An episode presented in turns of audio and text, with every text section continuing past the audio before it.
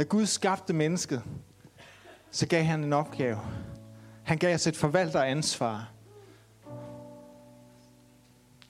De frugtbare, mangfoldige og opfylde jorden, men også at herske over jorden. Jeg tror, at, at ordet herske er, er måske et lidt forkert ord i forhold til Guds plan. Fordi Gud han ønskede fra starten af at være kongen. Han ønskede at være konge over sit folk. Og så gik vi galt i byen. Og israelitterne sagde, vi vil have det ligesom alle de andre nationer. Giv os en konge. Og det var ikke Guds plan. Det var ikke Guds hensigt. Guds hensigt var, at han skulle regere. Og at vi skulle forvalte. Og så kunne vi være medregenter sammen med ham. Men på grund af, at tingene gik galt, så kom Jesus ikke bare for at frelse os fra evig fortabelse, men han kom for at rette op på tingene. Han kom for at vende de ting, som var blevet vendt på hovedet. Den kom han for at vende om igen.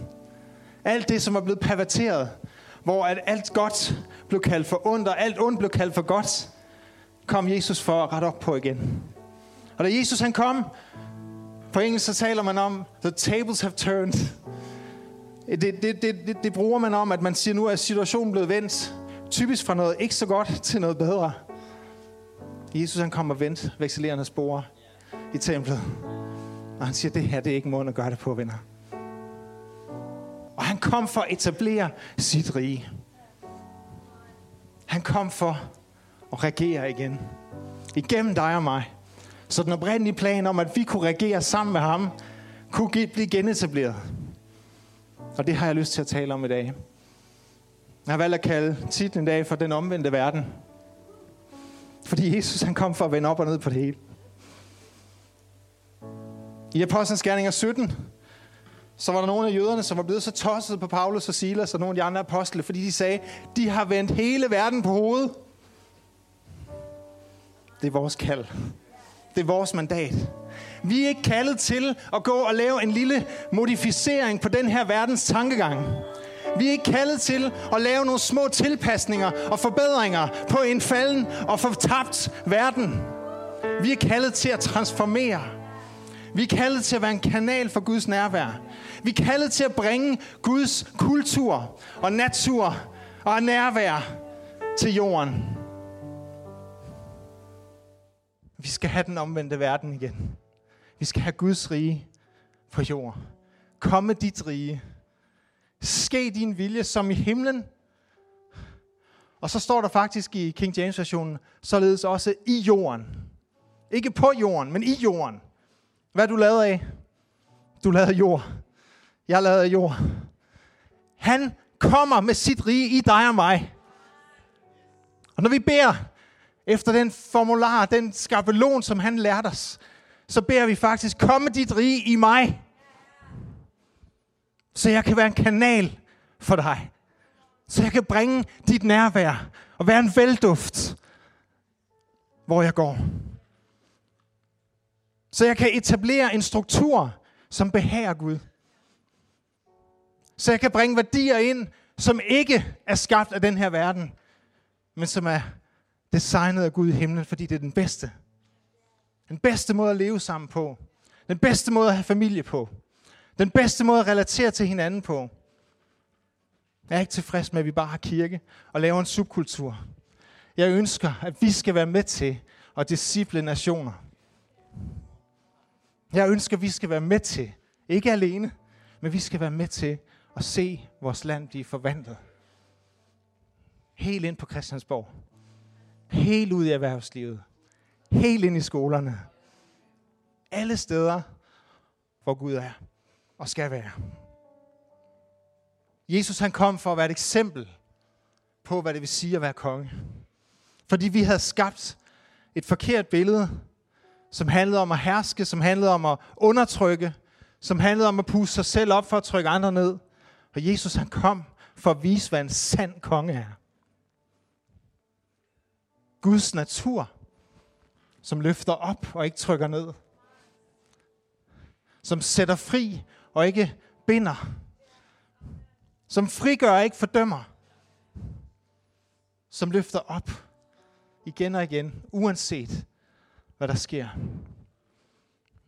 Så vi har to fuldstændig fundamentalt forskellige mindsets.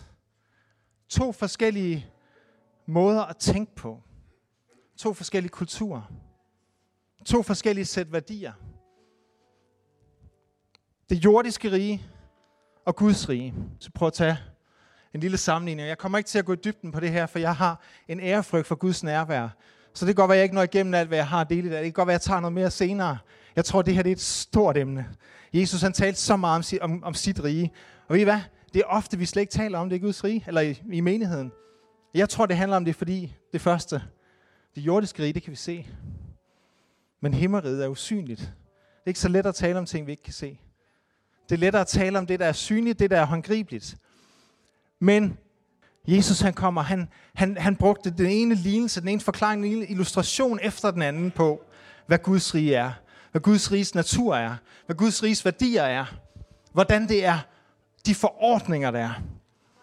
Og, og der er slet ikke tid til at pakke det hele ud. Jeg ønsker bare at berøre det en lille smule i dag, og så sige til jer, vi har brug for at se Guds riges fremgang. Vi har brug for at se menigheden, som får det mandat, som Gud havde skabt os til. Vi har en apostolisk opgave, et apostolisk mandat til at udbrede Guds rige på jorden. Fordi Guds rige, det udvider sig. Guds rige er på fremmarsch. Det kan godt være, du hører noget andet. Jeg tror nogle gange, vi giver for meget kredit til, hvad der sker rundt omkring i verden af dårlige ting. Men vi glemmer, at Guds rige er på fremmarsch. Det kan godt være, der findes kirker, som skrumper. Det kan godt være, der er modgang. Det kan godt være, der er angreb og det ene og det andet. Men ved I hvad, venner? Der er også mennesker, der bliver frelst i hobetal. Der er kirker, der popper op alle mulige steder, hvor det ville være usandsynligt for 10, 20 og 30 år siden, at det kunne lade sig gøre. Er det ikke rigtigt, Joel? Kirker rundt omkring, hvor man ikke havde troet, det ville være muligt. Men bare nogle af de her ting. Det synlige og det usynlige. Bare fordi det er usynligt, betyder det ikke, det er mindre virkeligt. Bare fordi du ikke kan tage at føle på det, så betyder det ikke, at, at det ikke har mere betydning. I virkeligheden vil jeg sige, at noget, som er evigt, er mere virkeligt end noget, som er midlertidigt. Det evige rige er langt mere virkeligt, fordi det andet, det er bare for en kort tid. Puff, så er det væk igen. Men jeg tror, en af årsagerne til, at vi hele tiden fokuserer på det synlige, det er det næste. Det er prioriteterne. Fordi i verdens, det jordiske rige, så prioriterer vi kroppen først. Og så sjælen. Og så hvis der er lidt plads til sidst, så lidt ånd. I Guds rige, så er det ånden først. Og så er det sjælen, og så er det kroppen. Søg først Guds rige og hans retfærdighed. Jesus han adresserede igen og igen, at vi gik op i de forkerte ting. At vi havde de forkerte prioriteringer. Og så siger han, lad os lige få prioriteterne ret. Guds rige starter i ånden. Guds rige starter med Gud. Det starter ikke med dig og mig. Vi sætter os selv i centrum. Gud, han sætter sig selv i centrum. Jeg ved ikke, om du har lyst til at konkurrere med ham, om hvem der er vigtigst. Vi gør det hver dag. Med hver eneste lille valg, vi tager. Så tager vi et beslutning om, om han er vigtigst, eller om jeg er vigtigst. Au. Jeg prædiker til mig selv den her formiddag. Puha. Jeg er ikke ude på at fordømme nogen. Jeg siger bare, at vi må have prioriteterne ret, hvis vi vil se Guds riges fremgang. Jeg hørte en fantastisk definition på Guds rige, og jeg skal ikke tage æren for den men jeg vil gerne bruge den. Guds rige, det er der, hvor alt, han siger, sker, når han siger det. Det er John Gray, der har sagt det her.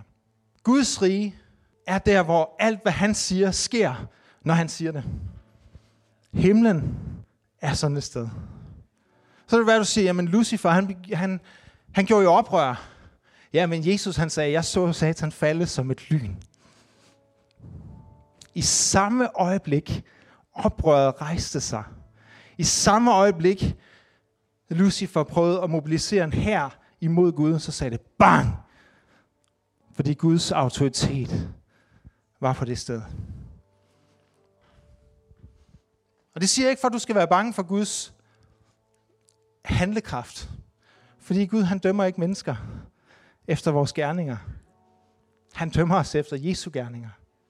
Men der, hvor vi giver plads til Guds autoritet, der, hvor vi ikke står imod noget, der vil hans rige være. Der vil hans kraft udfolde sig. Der vil hans nærvær være til stede, når vi ikke holder igen. Lad os være en menighed, der ikke holder igen. Lad os være en menighed, der ikke modsætter os Guds kraft og Guds nærvær. En anden lille en, vi kan tage, det er sværets kraft imod korsets kraft. Du skal dræbe dine fjender, eller du skal elske dine fjender. Du skal ikke kæmpe for din egen retfærdighed. Du skal kæmpe for, at den retfærdighed, Jesus vandt på korset, skal blive udbredt til mennesker. Det er værd at kæmpe for. Men det er ikke værd at kæmpe for din egen retfærdighed. Hvis du bliver behandlet uretfærdigt, lad det ligge. Kæmp for den retfærdighed, som Jesus vandt på korset. At den må blive mennesker til del. Det må være det, som bliver udbredt. Overflod, succes, rigdom, det definerer vi i verden ud fra, hvor meget vi har. Hvor meget har du? Hvor meget har du på din bankkonto? Hvor stort hjem har du? Hvor mange biler har du?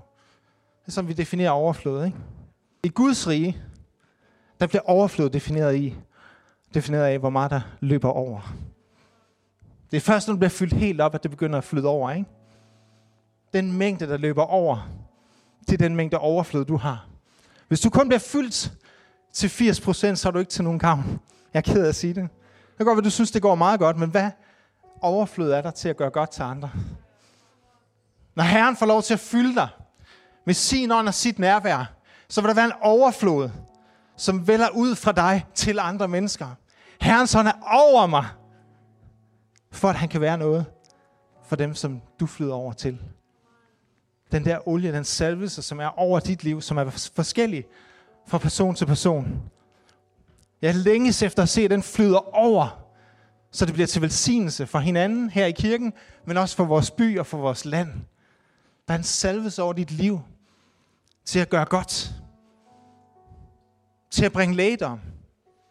Bringe kreativitet. Bringe genoprettelse. Men det er først i et øjeblik, du lader dig blive overfyldt, at det flyder over til mennesker. Der er så mange ting, og Jesus han taler om det, som jeg siger, den ene historie efter den anden. Og lad mig bare sige det, som det er. Når det her rige bliver udfordret, så skal du ikke blive forbavset, hvis der kommer en reaktion. En modreaktion. Satan han er besejret. Han har muligvis nogle skyts, men han har ingen autoritet. Han har ingen magt. Men han vil gøre, hvad han kan med, de, med det skyts, han har, for at prøve at bekæmpe dig hvis du kommer og bringer Guds rige på jorden. Men ved du hvad? Du har hele den himmelske opbakning bag dig. Du står ikke alene. Du står på hans autoritet. Det her det kan ikke ske uden Helligånden. Det var da Helligånden kom over dem, at de fik kraft. Og de begyndte at gøre tegn under mirakler. De begyndte at virke med det mandat, som de havde blevet givet af Jesus. Han sagde, vent, indtil Helligånden kommer over jer. Vidste du, at du har et højt, rangeret og imponerende og indflydelsesrigt job i Guds rige? Vidste du det? Det er sandt. Du har faktisk en så vigtig rolle i Guds rige, at hele himlen står bag dig, klar til at bakke dig op og forsvare dig, forsørge dig og hjælpe dig, når du går ud i tro.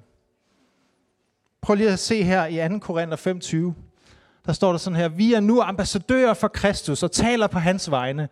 Gennem os bønfalder Gud mennesker om at blive forsonet med ham.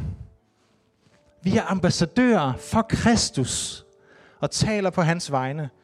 Hvad er en ambassadør? En ambassadør repræsenterer en nation i et fremmed land. Vi er ikke af den her verden. Vi er i den her verden. Men vi er som fremmede i den her verden, fordi vi repræsenterer et andet rige. En ambassadør er en midlertidig repræsentant for det rige og den konge, man er udsendt af. Du og jeg har en opgave nu og her. Men der kommer en dag, hvor Jesus skal regere med fuld autoritet, og hvor ingen uretfærdighed får lov til at finde sted. Det kan være, du siger, hvorfor, Hvorfor tillader Gud så, at det sker nu? Fordi han ønsker så mange som muligt skal blive frelst. Men der er et timeglas, som på et eller andet tidspunkt, i Guds perfekte timing, som render ud. Og derfra, så har alle haft en mulighed for at tage en beslutning. Og derfra vil der være en ny regent på jorden. Det nye Jerusalem, som kommer ned. Og Jesus, som kommer til at regere som kongernes konger, herrenes herre. Men du og jeg, vi er midlertidige repræsentanter, som har fået magt og myndighed og autoritet til at regere sammen med ham og til at repræsentere ham. Hans kultur og hans værdier. En ambassadør er en budbringer, der er blevet bemyndiget til at træffe beslutninger og til at repræsentere kongens vilje. Hvad er Guds vilje? At enhver, som tror på ham, skal blive frelst. At alle mennesker, som ønsker det, kan tage imod ham. Så det første og det vigtigste, det er, at vi er budbringere af et evangelie, af de gode nyheder. Men vi er også budbringere af en ny orden, en ny kultur. Jeg synes, det er så vildt at tænke på, at vi har hele himlen som opbakning. Hvad du, hvis du står i en svær situation som politimand, så kan du tilkalde forstærkning. Hvis du har brug for forstærkning, når du står på en opgave, uanset hvornår, uanset hvor, så har du mulighed for at tilkalde forstærkning fra himlen. Hele himlens her af engle står til din rådighed. Hele himlens skatkammer af ressourcer står til din rådighed. Hvis du tager imod det i tro. Hvis du ikke spiller efter den her verdens spilleregler, men du går i tro. Du er bemyndiget til at anvende navnet Jesus. Ikke i lovens navn, men i Jesu navn. Din autoritet ligger i hans blod. Jeg tror ikke, vi helt forstår det her, fordi hvis vi gjorde, så vil verden se anderledes ud. Så vil vores by se anderledes ud. Men i det øjeblik, som at Gud han, han vækker det her i os, at vi er repræsentanter med en fuld autoritet og en fuld opbakning, hvad har vi så at vente på? Hvad har vi så at frygte? Hvis Gud er for os, hvem kan så være imod os? Det du frygter, det er ingenting imod Guds autoritet. Det som går imod, har ingen magt over dig. Menneskefrygt er ikke længere et issue, når Guds rige kommer. Jeg længes efter at se Guds rige i en langt større grad. Og som jeg siger, der kommer en dag, hvor det kommer i sin totale fylde. Og så kan vi måske diskutere teologisk, hvor meget kan der så komme inden? Nu skal vi ikke bare undersøge det ved at prøve det af. Hvor langt kan vi gå? Jeg tror kun, vi lige har smagt en lille smule, fordi Guds rige er så meget større, end du og jeg kan fatte og forstå. Så ligegyldigt hvor meget du tænker, ah, nu har vi nok fået nok mirakler, nu, nu er der nok overflod, nu skal vi ikke have flere penge, så bliver vi sikkert stolte. Eller hvad det nu må være. Det er slet ikke det, vi jagter. Det er jo også det, der står her. Prioriteten handler ikke om det. Det handler om, hvordan vi kan gøre godt. Jeg tror ikke, Gud han har en begrænsning for, hvor mange penge han kan skylle igennem menigheden, hvis det går til at velsigne verden. Hvis det går til at genoprette og bringe de fortabte ud i frihed. Ved I godt, at hvis alle mennesker, der går i kirke, betaler tiende, så vil vi ende al verdens fattigdom. Sådan der. Ved I det? Jeg tror ikke på, at Gud han holder noget tilbage for os, fordi han ikke ønsker, at vi skal velsignes. Jeg tror, han holder det tilbage, fordi vi holder det tilbage, når vi får det. Der er ingen grænser for, hvad Gud ikke vil gøre, hvis du vil gå med. Hvis du vil hoppe ud af båden, hvis du vil være med på det, som han har. Jesus, kom med dit rige her. Kom med dit rige, Jesus. Jeg tror på, at vi er kaldet til at vende tingene på hovedet. Jeg tror, vi er kaldet til at se den omvendte verden, hvor folk ikke kan finde ud af, hvad det er, der gør sig gældende, men de kan bare se, det er en anden kultur. De kan bare se, der sker noget andet. Igennem tiden med alle vækkelser, der har været, så har der også været en, en, en naturlig konsekvens af de vækkelser, som vi ikke altid er klar over. Kreativitet, opfindelser, kur på sygdom, jeg ved ikke hvad, alle mulige ting, som sker, når Guds ånd bliver udgivet. Når, når, når Guds nærvær får lov til at fylde. Når Guds suverænitet kommer ind, og løgnene bliver afsløret, og sandheden vinder frem, så er der ting, der bliver løst. Det er tid til, venner, at holde op med at være så imponeret af verdens fyrster. Af verdens magt og autoritet. af påvirkning fra sociale medier og etablerede medier og alle andre medier, der er mellem himmel og jord, de har ingen magt. Og det der med, at Gud han faktisk går ind og blander sig nu, det synes jeg er så spændende. Gud blander sig i valgene rundt omkring i verden. Gud han blander sig i, hvordan samfundsordenen skal være. Fordi Gud han siger, jeg gider ikke se på det mere. Hvis folk de siger, at en af de her svære spørgsmål, er, hvis, hvis, hvis Gud er kærlig, hvordan kan der så være ondskab i verden? Jamen en af årsagerne er jo, at vi forkastede hans orden. Han vil være konge, men vi vil have vores egen konge. Og han siger til os, hvordan synes I selv, det går med jeres orden? Men jeg tror, der kommer et tidspunkt, hvor Gud siger, nu kan jeg ikke se på det mere. Nu bæret fuldt. Ikke med vrede, men med en dyb, dyb sorg og en dyb, dyb medfølelse med mennesker, der lider. Mennesker, der bliver undertrykt. Mennesker, der lever i slaveri i år 2020. Gud siger, nok er nok. Ja, der kommer en dag, hvor Jesus kommer igen, suverænt. Men nok er nok nu, siger Gud. Problemet er bare lige, at han samarbejder med dig og mig. Han har valgt at gøre sig afhængig af dig og mig. Så når han siger nok er nok, så venter han på, at du siger nok er nok. Når han siger, jeg har en anden dagsorden, så venter han på, at du taber ind i den dagsorden og siger, Gud, jeg vil gå med på din dagsorden. Jeg vil tage det job, hvor jeg kan få en indflydelse. Jesus han sagde, hvor to eller tre er forsamlet, eller samlet i mit navn, der er jeg midt i blandt dem. Vi er ambassadører. Hvor to eller tre er samlet, der har du en ambassade for Guds rige. Hvad er, det? Hvad er en ambassade? Det er en suverænitet for den nation, den stat, som ambassaden repræsenterer. Går du ind på ambassadens område, så er det ambassadens regler, der gælder. Hvis du går ind på den amerikanske ambassade i København, så er det ikke danske regler og love, der gælder. På samme måde er det Guds rige. Vi kan være ambassader rundt omkring. Vi kan bringe Guds nærvær, Guds orden, Guds kultur, der hvor vi er. Og jeg tror, at Jesus sagde, hvor to eller tre er samlet, fordi han ikke vil have, at vi skulle gøre det til en kirkebygning. At det kun er herinde, Guds kultur kan være, og Guds ambassade kan være. Jeg tror i den grad, at kirken er ambassade. Men der, hvor du mødes med en i dit hjem, eller på din arbejdsplads, eller et andet sted, der har du den samme autoritet, den samme atmosfære, den samme kultur. Jeg længes efter det her bønsliv, hvor vi ikke bare beder Gud om at komme og løse vores problemer. Vi beder ikke op, men vi beder ned.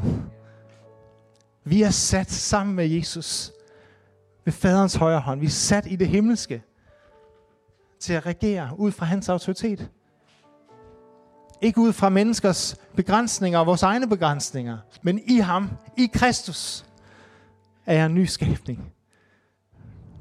Alt formår jeg af ham, som giver mig kraft. Det er jo ikke dig og mig, der kan gøre det.